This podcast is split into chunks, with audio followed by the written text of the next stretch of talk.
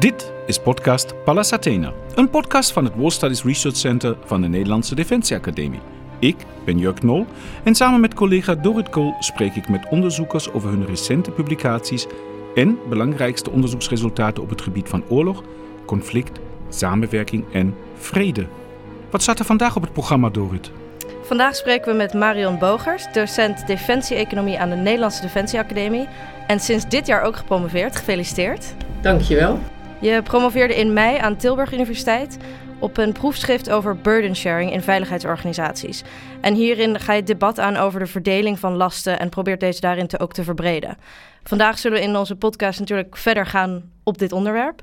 Maar eerst even, kun je misschien kort vertellen hoe je op de Nederlandse Defensie Academie terecht bent gekomen? Uh, ja, dat kan ik. Uh, ja, Marion Bogers. Ik ben in 1994 begonnen zelf als student op de KMA in opleiding tot officier bedrijfseconomische zaken. vervolgens heb ik een aantal functies gedaan binnen de luchtmacht, in de controleorganisatie. En uiteindelijk ben ik hier zo'n 15 jaar geleden begonnen als docent bedrijfseconomie bij de sectie Defensie-economie. En een aantal jaar daarna ben ik begonnen met het burden sharing onderzoek. Gaaf. Ja, nou ja, en, en, meteen een media race. Want we willen natuurlijk ook uh, een beetje meer theoretisch induiken. Niet altijd theoretisch, maar met name ook de mensen, onze luisteraars, het iets dichterbij brengen. Burden sharing. Waar hebben we het dan eigenlijk over? Wat betekent burden sharing? Ja, burden sharing is iets eigenlijk waar we allemaal mee te maken hebben. Want daar wordt samengewerkt en... Uh, naar een gezamenlijk doel wordt toegewerkt, gaat het al snel om wie doet er wat en wie draagt eh, welke last. En dat is eigenlijk waar burden sharing over gaat, de eerlijke verdeling van de lasten. En je hebt het ook in je onderzoek veel over publieke goederen, zoals veiligheid ook gezien wordt als een publiek goed. Wat, wat betekent dat? Wat houdt dat in? Ja, publieke goederen die worden eigenlijk gekenmerkt tot, uh, twee, met twee eigenschappen. Niet rivaliteit en uh, niet uitsluitbaarheid. En niet rivaliteit gaat eigenlijk om als gebruik door de een gaat niet ten koste van het gebruik van de ander. En niet uh, uitsluitbaarheid gaat eigenlijk om, ja, je kan iemand niet uitsluiten van het gebruik van het publieke goed. En daarmee komt ook eigenlijk de hele uh, freeriding discussie ter sprake. Want op het moment dat er landen dus uh, wel gebruik kunnen maken van het goed uh, en niet kunnen worden uitgesloten, ja, dan kunnen de landen meer doen of minder doen. en, en dat is de hele burden sharing discussie. Daar komen we natuurlijk straks denk ik nog uitgebreid op te spreken. Ja, en in je proefschrift, nu dat we een aantal van die concepten even kort hebben toegelicht, gaan we wat verder induiken op je proefschrift. Um, en hierin kijk je naar de problematiek en de dilemma's die bij zo'n publiek goed zoals veiligheid komen kijken. Maar je probeert hierin niet een nieuw concept te ontwikkelen, maar de discussie te verbreden. Waarom doe je dat en waarom is dat zo belangrijk? Ja, ik, ik denk dat dat belangrijk is. Uh, toen ik begon met dit onderwerp, uh, een aantal jaar geleden, kwam ik er eigenlijk achter ja, burden sharing, dat wordt al onderzocht sinds de oprichting van NAVO. En de discussie komt niet echt verder. Dus het gaat altijd over de een doet te veel en de ander doet te weinig en we vinden het niet eerlijk. En ik vroeg me af, ja, waardoor komt dat nou eigenlijk? Hè? Dat het debat steeds hetzelfde is en men daar niet verder in komt. Uh, en verder viel het me ook op dat je uh, dat de discussie heel erg draait om die 2% norm. Hè? Dus om de defensieuitgaven als percentage van het bruto binnenlands product.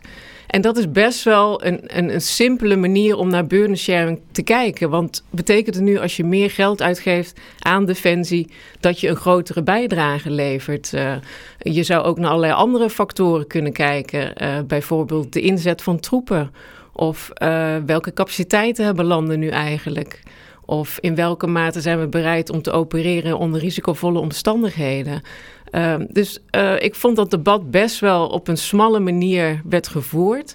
Um, en uh, ik vroeg me af waarom dat zo is. En toen ik daar een beetje ingedoken was, toen kwam ik erachter, ja, dit is een hele simpele parameter. Iedereen begrijpt hem. Je kunt hem makkelijk uitleggen, je kunt hem makkelijk uitrekenen. Uh, dus het maakt de discussie vrij simpel. zelfs de Amerikaanse president Donald Trump begreep dit, deze parameter. Inderdaad, inderdaad. Nu zeg jij net al, je kunt dus ook andere factoren gebruiken.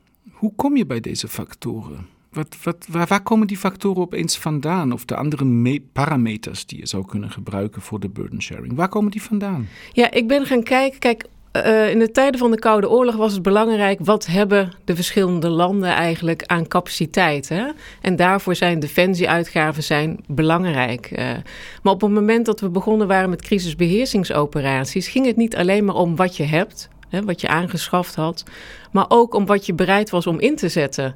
En, en dat zag ik eigenlijk helemaal niet terug. Dus hoeveel militairen zijn wij nu bereid om in te zetten in out-of-area operaties? En je zag ook eigenlijk in dat politieke debat dat landen daarover gingen uh, gingen praten met elkaar. Hè? Dus als het begon over defensieuitgaven, ja, maar jij bent niet bereid om in te zetten, om troepen te leveren naar een desbetreffende out-of-area operatie. Um, en, en zo ben ik gaan kijken van ja, welke parameters zijn nu steeds belangrijker aan het worden.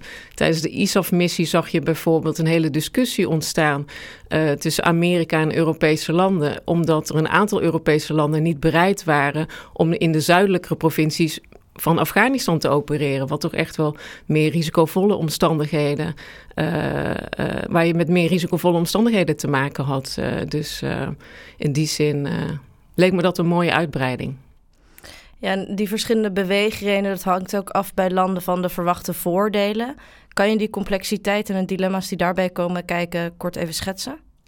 Uh, ja, als je, je bedoelt hier beweegredenen waarom landen willen bijdragen aan out-of-area operaties. Ja, ja. ja. dat kunnen hele verschillende beweegredenen zijn eigenlijk. Uh, ik zal het proberen uit te leggen aan de hand van een voorbeeldje.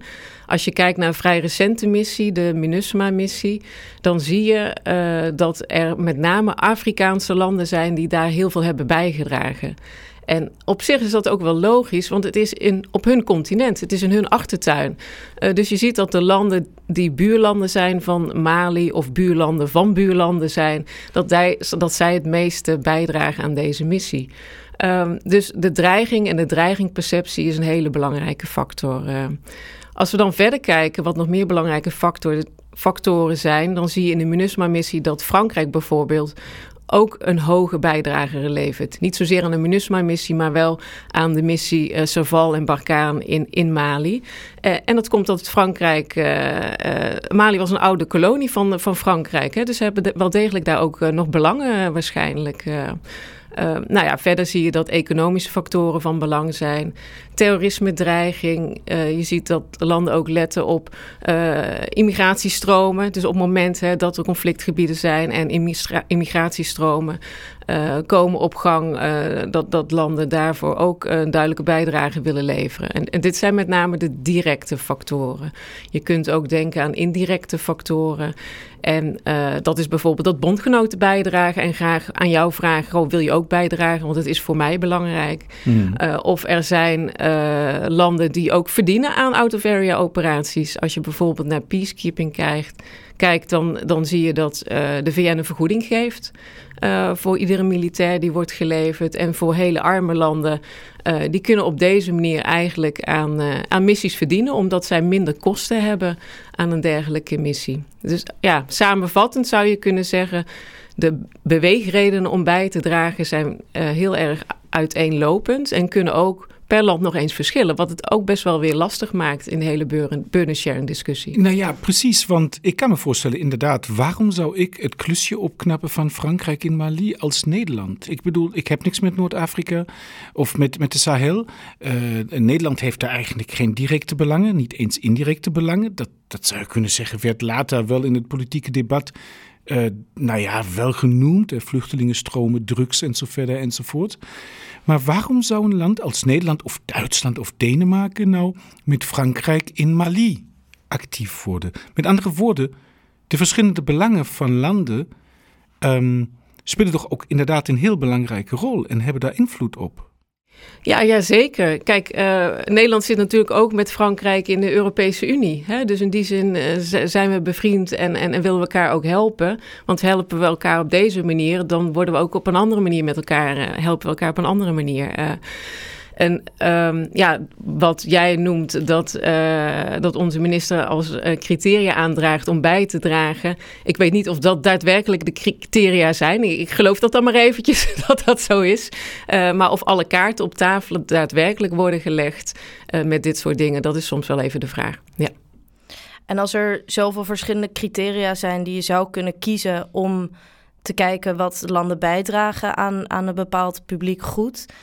En de uitkomst daarin dus ook verschilt per nou ja, welke criteria je kiest, is het dan mogelijk om een objectieve vergelijking te maken tussen landen? Ja, het is net hoe je, hoe je dat doet. Kijk, je kunt praten over wat is nu eigenlijk een eerlijke verdeling. En dat kan je op verschillende manieren kun je daarnaar kijken. Je, je kunt kijken, nou, eh, eerlijk is als we allemaal evenveel doen. Zowel in absolute zin of in relatieve zin. Maar eerlijk zou ook kunnen zijn, is dat je leven na, naar de hand de benefits die je hebt. En met die benefits heb je dan te maken, wat zijn die motiverende factoren? Uh, dus dat, uh, het is maar de hoe je daarnaar kijkt. En dat maakt burden sharing dus eigenlijk ook zo lastig. Je moet overeenstemming hebben over wat is nu precies de last die we dragen. En, en wat vinden we met elkaar een eerlijke verdeling? En, en dat maakt de discussie dus heel complex. Want dat doe je allemaal vanuit je eigen belangen, ga je deze discussie aan. Ja, je noemde het net kort al even, de sociaal en psychologische aspecten, die zijn ook heel belangrijk in deze discussie. Behalve eerlijkheid, spelen andere aspecten zoals bijvoorbeeld vertrouwen ook een rol? Uh, ja, je moet er vertrouwen in hebben dat iedereen alle kaarten op tafel legt. En dat is vaak niet het geval. Uh, je merkt ook uh, bij Trump bijvoorbeeld dat hij. Um, ja, er zat heel veel retoriek in. Hè? Dus, dus hij richtte zich heel erg op die 2% norm. En, en, daarbij kun je zeggen van, nou ja, die Europese uh, landen hebben ook wel veel bezuinigd op defensie. Hè? Uh, vredesdividend zijn we daarin niet te ver gegaan. maar voor Amerika is het natuurlijk ook best wel handig als wij heel veel geld gaan uitgeven aan defensie. Want wij kopen de meeste spullen in Amerika. En, en, dat wordt er vaak zeg maar niet bij verteld. En dat is meteen eigenlijk de, de, de, een belangrijke vraag die ik aan jou heb. Um, in eerste instantie denk ik dat het een heel empirisch onderzoek dat je doet. Maar tegelijkertijd heb ik altijd het gevoel, dat zit ook een bepaalde normativiteit in dat hele debat. En misschien ook een soort prescriptiviteit in de zin van zo hoort je het, of zo moet je het doen om het goed te doen.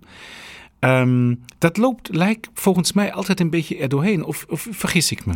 In mijn proefschriften bedoel je? Ja, nu ook zoals je het nu vertelt, zeker. Ja, ja kijk, ik, ik ben begonnen als bedrijfseconoom. Bedrijfseconomen willen graag altijd alles meten. Hè? Meten is weten. Dus als je kijkt naar mijn proefschrift, die eerste paar hoofdstukken... die zijn vooral gericht op het meten van burden sharing gedrag... en op welke manier je dat het beste kunt doen.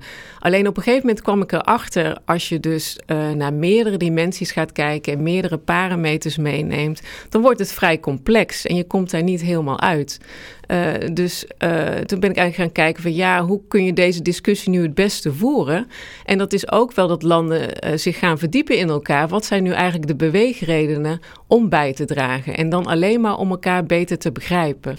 Dus ik ging burden sharing niet meer zozeer zien als een soort van output, van nou, dit is het, maar meer als een proces. Een proces om goed met elkaar te kunnen samenwerken en de lasten op een zo'n eerlijk mogelijke manier te verdelen. Dus naast dat politieke debat in het publiek dat wij dus zo krijgen, en dan wat je uh, terecht ook zegt, vaak geminimeerd tot die 2%, omdat het makkelijk hapbaar is, behapbaar is, gaat er dus blijkbaar binnen de landen vindt ook daadwerkelijk een, een dieper debat plaats. Ik hoop dat dat zo is. Ah. ik hoop dat dat zo is. Ja, ja ik, ik, je merkt zeg maar in het publieke debat dat dat vrij weinig uh, terugkomt. Mm -hmm. uh, je ziet nu wel met de Oekraïne-crisis, uh, vind ik, dat men niet meer alleen vanuit zichzelf aan het redeneren is, maar meer gaat kijken naar het grote gereel. dus als het ene land te weinig gas heeft, gaat het andere land helpen. Hè? Dus we maken onderling afspraken daarover. Um, maar ik heb dat tot voor kort zag ik dat niet zo in het openbaar terugkomen, deze discussies. Maar ik hoop dat ze uh, in achterkamertjes wel op deze manier worden gevoerd. Dat men daadwerkelijk gaat verdiepen. Wat beweegt jou nu om zo, je zo te gedragen? En zijn, hoe, ja, hoe kunnen we dat soort beweegredenen ook tastbaar maken? Want heel veel dingen zoals eerlijkheid, vertrouwen of misschien ook wel legitimiteit zijn heel moeilijk om enerzijds te zien en anderzijds ook tas, ja, tastbaar te kunnen maken om, om te kijken van nou, waarom beweegt een, een land voor een bepaalde reden. Ja, ik denk dat je dan een soort van vertrouwensbasis moet hebben. Uh, is dat je open en eerlijk kunt zijn hierover. En, en, dat je met elkaar hierover in gesprek kunt gaan. Angela Merkel was daar best wel altijd goed in, vond ik. zij zei bijvoorbeeld op het moment, de oorlog in Jemen, op een gegeven moment kwam de discussie binnen Europa, wel wapens leveren of geen wapens leveren aan Saoedi-Arabië. En daar zag je hele grote verschillen. Frankrijk wilde wel wapens leveren, Duitsland wilde dat niet. En zij gaf ook aan, wij hebben hele legitieme redenen dat niet te willen. Uh, want uh, gezien ons oorlogsverleden in de Tweede Wereldoorlog, uh, is dit voor ons een hele grote stap. Um, ja, dat vond ik toch wel een, een, een, kwetsbaarheid en een openheid, waardoor je denk ik meer begrip creëert. Kun je als econoom, je sprak het net al aan, je bent begonnen als echt bedrijfseconoom met je model ook en met je berekeningen en zo. In hoeverre kun je deze factoren als historie, eh, de geschiedenis van een land, de sociale complexiteit van een vraagstuk ook meenemen in het vraagstuk naar burden sharing? Ja, als je het graag wil meten, zoals economen dat mhm. graag uh, willen doen, zeker defensie-economen, dan lukt dat niet. Nee, want deze aspecten zijn heel moeilijk te kwantificeren. Mhm. Uh, dus uh, ik heb in mijn proefschrift uiteindelijk ook uh, drie belangrijke vragen zeg maar, onderscheiden. Ehm, ja, de eerste vraag is hoe kun je uiteindelijk de last het beste meten? De tweede, hoe kun je de last verklaren? En de derde is, hoe tellen de verschillende bijdragen van de landen uiteindelijk bij elkaar op? En ik denk dat die eerste en die tweede vraag, die gaan eigenlijk altijd hand in hand. Ja, dus het houdt niet op bij het meten van het burden sharing gedrag. Het gaat ook om het verhaal daarachter. En, en, en dan krijg je pas een compleet beeld um, van, een, van burden sharing. En hoe spelen verschillende belangen van landen hierbij een rol? Bijvoorbeeld als je kijkt naar de EU en Turkije deal met betrekking tot vluchtelingen.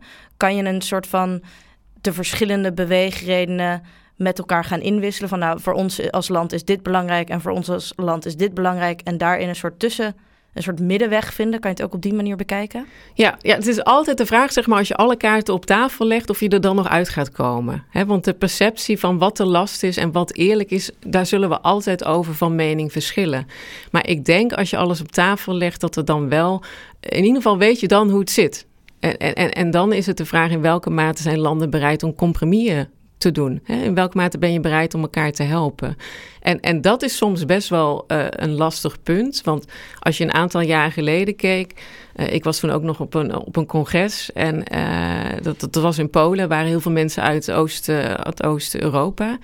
En die waren heel erg gericht op de dreiging van Rusland. En er waren ook Zuid-Europese mensen. En die waren heel erg bezig met de immigrantenstromen. En eigenlijk op dat congres zag je eigenlijk precies wat er gebeurt binnen Europa. Is dat die er is een hele verschillende dreigingsperceptie. En mensen handelen ook naar die dreigingsperceptie. Dus je krijgt verschillende belangen. En, en, en ja, hoe ga je elkaar dan helpen? En ga je elkaar helpen? Uh, ja, daar zijn we toen niet helemaal goed uitgekomen. Ik vind wel dat je nu in Oekraïne merkt, als de druk zo hoog is met de Oekraïne-oorlog, dat landen eerder bereid zijn om over hun eigen belangen heen te stappen en kijken naar het grotere geheel. Ja. En de, nou, je noemde het al kort, de veiligheidssituatie kan heel snel veranderen. En daarbij ook de perceptie van een dreiging. Een afspraak die we bijvoorbeeld vandaag maken, of een compromis die landen vandaag maken, is misschien morgen of over een week niet meer relevant. Hoe kunnen we daarin op de lange termijn tot compromissen komen of tot afspraken komen die niet alleen gelden op dat moment? Ja, ja, daarvoor zul je denk ik flexibel moeten zijn. Ja. Dus in die zin, uh, kijk, de wereld is heel veranderlijk. Uh, dus afspraken die vandaag gelden, hoeven morgen niet meer te gelden. Dus je moet met elkaar in debat blijven, denk ik, uh, over dit soort dingen. Ja. En is dat realistisch, denk je? Ja, de vraag is wat nodig is. Uh, dus wat moet, dat moet gebeuren, ja. Nou ja, ik heb daar uh, meteen twee vragen die, uh, die in me opkomen. de eerste is um, wat je heel vaak hoort. Je hebt net al aangesproken Oost-Europa, Polen met name. Um, en het zuiden. En we hadden een tijdje het debat in Nederland bijvoorbeeld. Nederland is heel goed, ik zeg maar iets, in logistiek. Laat ons toch de logistiek doen en laat de Polen, het was echt met name, draaide het om de Polen, omdat die vrij grote uh, strijdkrachten hebben ook. Uh, laat de Polen toch de gevechtseenheden leveren.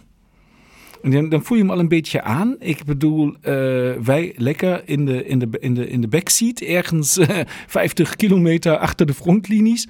En laat maar de, de anderen sneuvelen voor ons. Dit lijkt me toch ook een heel belangrijk onderdeel in dat hele debat over burden sharing.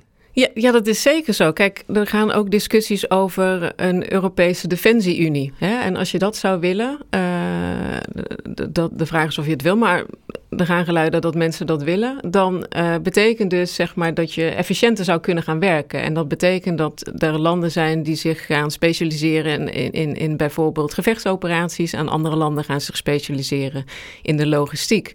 Uh, als je het daar met elkaar over eens bent dat je het zo gaat doen en je vindt dat eerlijk, dan kun je dat zo gaan doen. Maar op het moment dat dat niet zo is, dan wordt dat een hele lastige samenwerking. En uh, ik denk, als je dat soort afspraken gaat maken, dan moet je elkaar ook vertrouwen. Dan moet je elkaar dus ook vertrouwen op het moment dat je een deel van jouw krijgsmacht afstaat, dat anderen je daadwerkelijk komen helpen als je in de ellende zit. Uh, en, en dat zal een heikel punt zijn. Ja.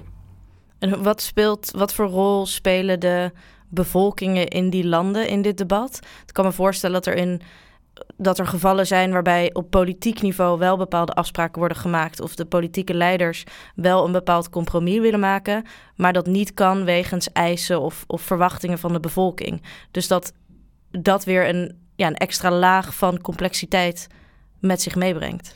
Ja, dat is een hele belangrijk punt. Kijk, om de vier jaar hebben we verkiezingen in Nederland. En de meeste partijen willen opnieuw gekozen worden. En je ziet ook uh, rond de tijd dat er verkiezingen zijn, dat uh, regeringsleiders uh, terughoudend zijn met dit soort lastige beslissingen. En, en, en dus altijd de buitenlandpolitiek en de binnenlandse politiek, het electoraat, dat, speelt du duidelijk een rol. Ja, absoluut. En een vervolg, korte vervolgvraag. Zou het dan nodig zijn dat de politiek ook anders wordt ingericht. Dat we bijvoorbeeld in plaats van vier jaar naar acht jaar gaan toegaan, of misschien wel langer? Of is dat ook niet haalbaar en misschien ook wel niet van belang? Ja, je hebt het hier over een democratie, hè? En als je zegt dat je dan zegt, nou, ik ga na twaalf jaar, is het de vraag in welke mate je een democratie nog in stand uh, houdt. Dus hetzelfde is dat er nu geluiden zijn over dat je bij wet eh, wil vastleggen dat we 2% uh, van ons, ons bruto binnenlands product aan defensie gaan uitgeven. Uh, ik krijg die vraag wel eens wat ik daar dan van vind. Ja, dat is zo'nzelfde zo'nzelfde punt. als je dat gaat doen, dan kan je dat misschien ook voor de IC-bedden gaan regelen regelen. En dan kan je dat ook voor de scholen gaan regelen. En voordat je het weet, heb je alles vastgelegd. En zit daar geen ruimte meer in. En dat is nou juist zeg maar, wat die democratie wel inhoudt. Uh, daarbij vind ik niet zeg maar, dat we niet richting die 2% moeten bewegen. Uh, uh, want ik denk wel dat we veel hebben bezuinigd op defensie. Maar of je dat daadwerkelijk moet gaan vastleggen, daar ben ik wel heel erg terughoudend in. Ja. Nou ja, um, je hebt het al over de herverdeling schaarse goederen. Op dit moment hebben we het natuurlijk inderdaad, heeft iedereen de mond vol van veiligheid. Maar inderdaad, we zitten natuurlijk met de, de, de, al die andere publieke goederen die ook gefinancierd moeten worden door die schaarse middelen, uh, energie. Uh, dit soort vraagstukken zijn natuurlijk ook enorm groot. En inderdaad, ik denk dat je daar een belangrijk punt hebt. Ik wil heel eventjes terug naar de aard van de inzet van de strijdkrachten. Want je noemde net al eigenlijk heel veel verschillende soorten operaties. Je had het over peacekeeping operaties. Je had het over, maar ook over gevechtsoperaties. Uh, met name ook dat je zei van in het zuiden van Afghanistan was het veel gevaarlijker. Merkte je daadwerkelijk een duidelijk verschil? Of kun je dat meten eigenlijk? Dat op het moment dat je dus wat meer, uh, ik zeg maar, hoog in het geweldsspectrum moet optreden met je strijdkrachten, dat je een heel ander debat krijgt in het burden sharing. versus dus met die peacekeeping operaties. Uh, ja, ja die, die, die had je in de tijd van ISAF had je die duidelijk. Uh, het was ook moeilijk om troepen te vinden, om landen bereid te vinden om in de zuidelijke provincies van Afghanistan te opereren.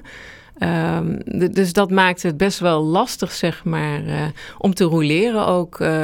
Dus in, in die zin, ik denk dat risk sharing risicodeling, dat dat een belangrijke factor, een belangrijk aspect is van burden sharing. Zeker als we over defensie praten. Maar je ziet het ook tijdens peacekeeping operaties. Afrikaanse landen geven regelmatig aan dat zij het zware werk moeten doen en, en de rijkere landen zich meer in de veilige gebieden stationeren. En, en dat ze dat niet eerlijk vinden. Ja. Dus dat, uh, daar kom ik dan toch steeds op terug. Uh, het gaat erom wat, wat is eerlijk? Wat vinden we met elkaar eerlijk? Ja. En wat is de rol van um, machtspolitiek in deze discussies? Je haalde het al kort even aan, maar is, het verschil uh, in discussies tussen bijvoorbeeld landen in Noord-Afrika en Europa en wie levert wat? Kan ik me voorstellen dat machtspolitiek daarin ook een rol speelt om nou ja, de definitie van eerlijkheid uiteindelijk uh, ja, te, te definiëren. Ja. ja, wat je eigenlijk ziet, kijk, op het moment dat je een homogene groep landen hebt, dan is het makkelijker om tot overeenstemming te komen wat nu de last is en wat een eerlijke verdeling is. Maar als je een meer heterogene groep hebt, en dat heb je toch met name met peacekeeping operaties, dan is dat gewoon lastiger. Want als je kijkt wat wij aan MINUSMA hebben geleverd, dat zijn wel kwalitatief hoogstaande eenheden. Het is wel een bepaalde expertise wat wij leveren. En ga, hoe ga je eigenlijk een infanterist bijvoorbeeld vergelijken met een, een helikopter? Dat is heel moeilijk. Uh, dus je, je, kunt daar, um, je kunt er alleen over in gesprek gaan, maar je kunt daar niet een soort definitief antwoord op, op vinden, denk ik. Uh, ja.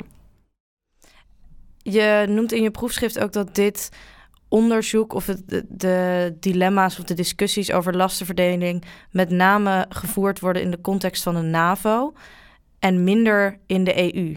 Waarom, waarom is dat zo? Um, nou, dat, dat heeft in mijn ogen wel een logische reden. Uh, kijk, NAVO is een militair bondgenootschap. En binnen dat militaire bondgenootschap hebben wij de afspraak: een aanval op één is een aanval op alle. Uh, en als je kijkt naar, de, naar Europa, dan hebben wij niet zoiets als een Europese defensieunie. En dat uh, maakt het ook, uh, dat zorgt eigenlijk ook voor dat je minder burden sharing discussies, discussies hebt.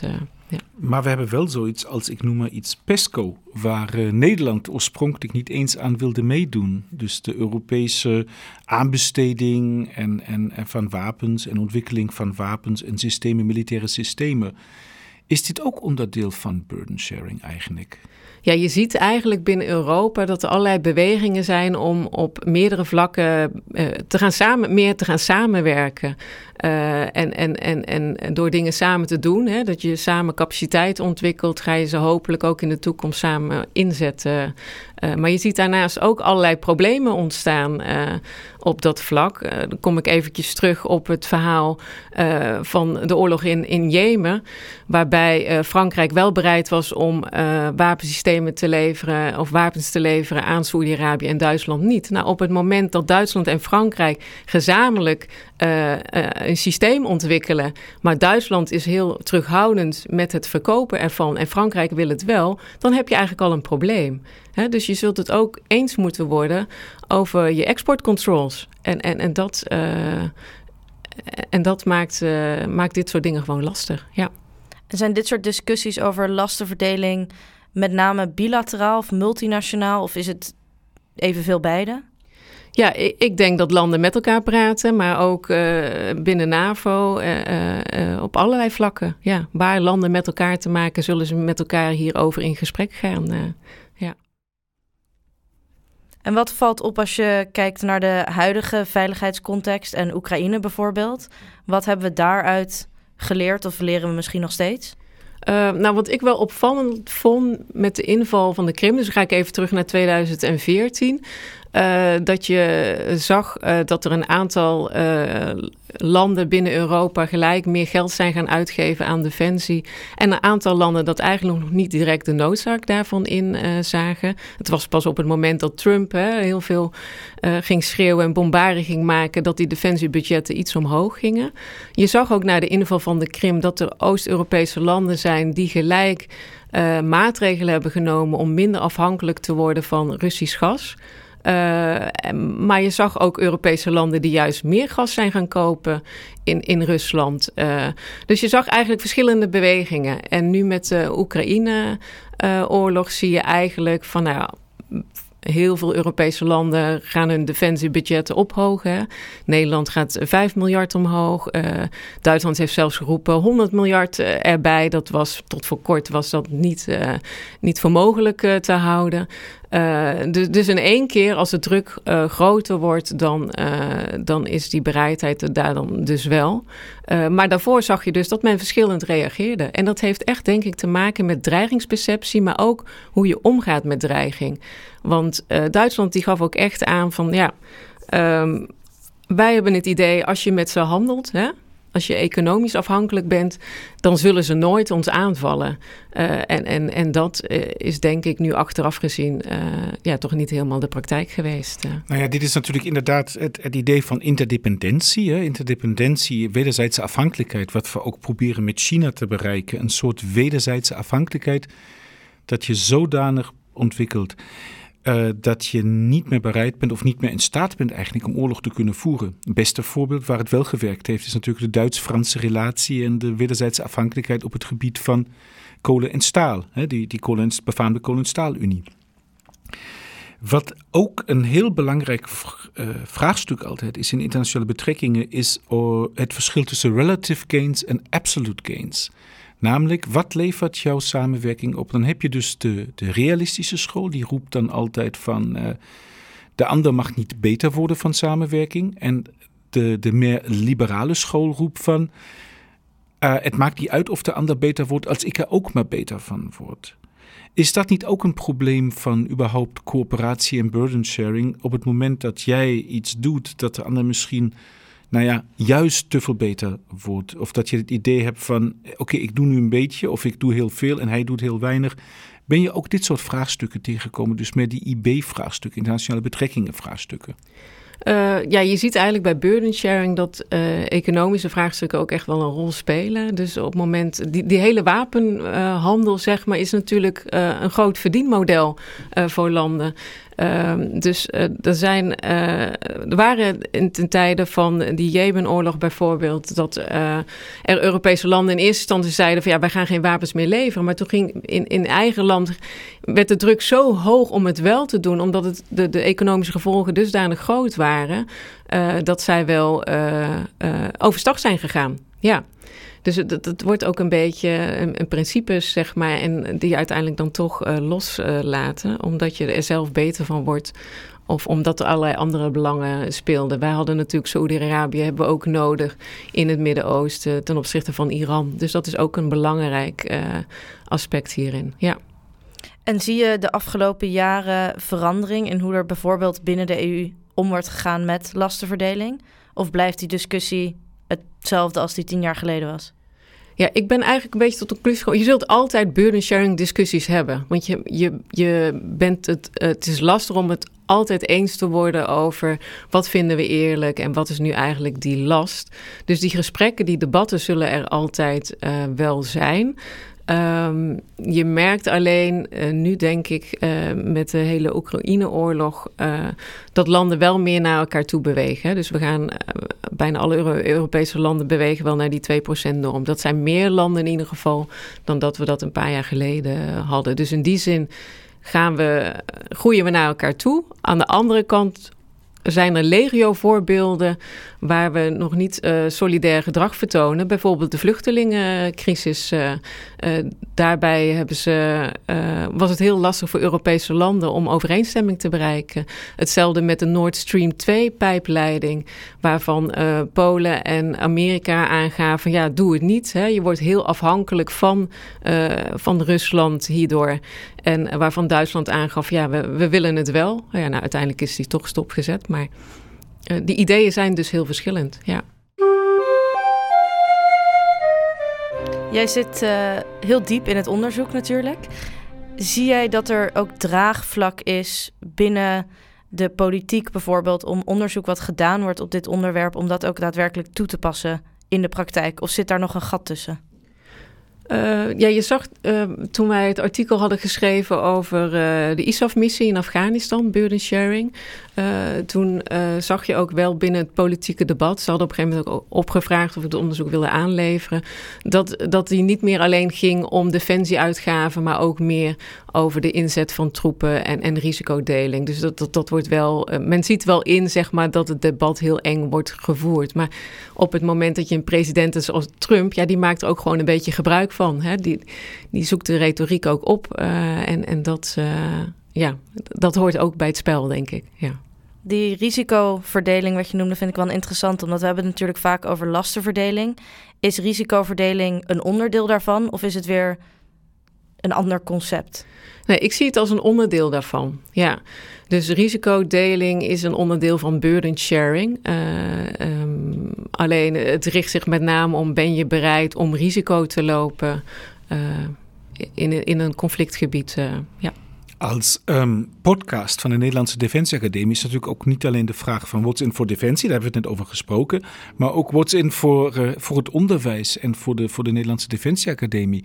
In hoeverre uh, uh, ga je daar ook in, in jouw lessen en in jouw onderwijs over burden sharing te praten? En hoe en wat vinden de kadetten er eigenlijk van? En adelbossen die we natuurlijk ook hebben hier op de Nederlandse Defensieacademie. Ja, dat is eigenlijk altijd wel leuk, want uh, kadetten en adelborsten denken dat het altijd ook gaat over die 2%, is, want dat lezen ze in de krant. De burden sharing gaat over die 2%. Maar als ik dan uitleg dat burden sharing ook bij mij thuis is, hè, ik heb uh, een man en drie kinderen en wij moeten ook samenwerken in, het, in ons huis om alles gedaan te krijgen. En de kinderen moeten ook de vaatwasser inruimen. En daar hebben ze meestal geen zin in. Dus dan moeten ook afspraken worden gemaakt over wie doet die last en wat vind je eerlijk. En ja, die discussies over eerlijkheid gaan ook over van ik heb nog huiswerk, ik heb het gisteren al gedaan. En eigenlijk als je goed oplet, eh, kom je daar waar wordt samengewerkt, is er ook sprake van burden sharing. Wie doet er wat, wie draagt welke last. Dus het is minder ver van hun bed dan dat zij vaak denken. En dat vinden ze eigenlijk wel grappig altijd uh, als ze dat inzien. Ja. Wat zou er nou, op basis ook van jouw onderzoek moeten gebeuren om te zorgen dat, dat dit soort resultaten en uh, de ja, allerlei dilemma's die we ook hebben besproken, dat die ook in de praktijk toegepast kunnen worden? Of dat mensen die in de politiek zitten of in het onderwijs zitten daar ook van leren? Ja, ik denk, uh, zeg maar, als we ons realiseren dat burden sharing dus uh, multidimensionaal is. Als we alleen al kijken naar de Oekraïne-oorlog, dan uh, zijn onze defensieuitgaven zijn verhoogd. Uh, we leveren toepen aan de oostgrens, maar we hebben ook economische sancties. We leveren wapens. We proberen minder afhankelijk te worden van uh, Russisch olie en Russisch gas. Dus er zijn meerdere dimensies, zeg maar, waar we hiermee waar we een bijdrage leveren. En ook meerdere parameters. Dat we dat al in kunnen zien. En dat er dan dus ook landen zijn die op die verschillende dimensies verschillend presteren. En daar ook misschien kunnen waarderen. Want je bent niet allemaal hetzelfde. Dus misschien is het niet mogelijk dat Duitsland uh, risicovolle operaties gaat doen op korte termijn. Maar misschien kunnen ze wel iets anders waar ze heel goed in zijn. Uh, dan denk ik dat dat wel uh, een mooie positieve invloed kan hebben op die hele burden sharing discussie. Jij bent uh, expert op gebied van defensie-economie. Maar we noemden al een aantal aspecten, zoals de sociaal en psychologische aspecten die hierbij komen kijken. Wat is het belang van interdisciplinair onderzoek en samenwerking om dit onderwerp enerzijds beter te begrijpen en ook beter toe te kunnen passen? Ja, ik denk qua psychologisch uh, invalshoek is het natuurlijk wel aardig om dat, op dat eerlijkheid in te gaan. Want eerlijkheid is eigenlijk een perceptie. Het is wat jij eerlijk vindt. En dat is, kan dus voor iedereen verschillend zijn. En hoe je naar dingen kijkt, wordt bepaald door jou, uh, wat je hebt meegemaakt, uh, hoe je bent ontwikkeld. En, en dat vind ik ook wel interessante factoren om eens een keer. Uh, waarom denken landen op een bepaalde manier over eerlijkheid? Waar komt dat vandaan? Ja. En moeten onderzoekers hier van verschillende hoeken meer samen aan gaan zeggen, werken. En, dit, is meer, dit, is meer, dit is meer multidisciplinair onderzoek dan alleen maar dat het economen. Dat we ja, we economen moeten overlaten. ja, precies. nee, ja, maar zo ben ik ook begonnen. Ik ben als econoom begonnen in de zin van ik, ik ga het helemaal meten. Maar ik kwam erachter dat het niet helemaal te meten was. In ieder geval niet het complete plaatje. En dat het eigenlijk een veel complexer onderwerp is. Uh, waarbij eigenlijk uh, verschillende onderzoekers zouden vanuit verschillende invalshoeken hier naar kunnen kijken. En nog veel interessanter dan gedacht. Ja, dat, uh, dat denk ik zeker ook. Dit was podcast Pallas Athena. Vandaag hadden we Marion Bogas te gast. Met haar spraken we over burden sharing. Wat is eerlijk? Nationale belangen, maar ook waar komt die eerlijkheid vandaan? En hoe, hoe kan het zijn dat bepaalde landen anders hierover denken? Net zoals over risicodeling. Een van de takeaways, denk ik, is zeker: overal daar waar samenwerking is, is ook burden sharing. Dat is ook een goede. Ik ga het mijn kinderen nog een keer heel goed uitleggen. Ehm, en het allerleukste is, denk ik ook, het debat zal er altijd zijn. En ik vind dat we vandaag heel veel mooie aanknopingspunten hebben voor multidisciplinair onderzoek. En ik hoop je in de toekomst, wij hopen jou in de toekomst, weer te mogen verwelkomen hier. Dank, Dank je wel. Dank je wel. Dank Marion.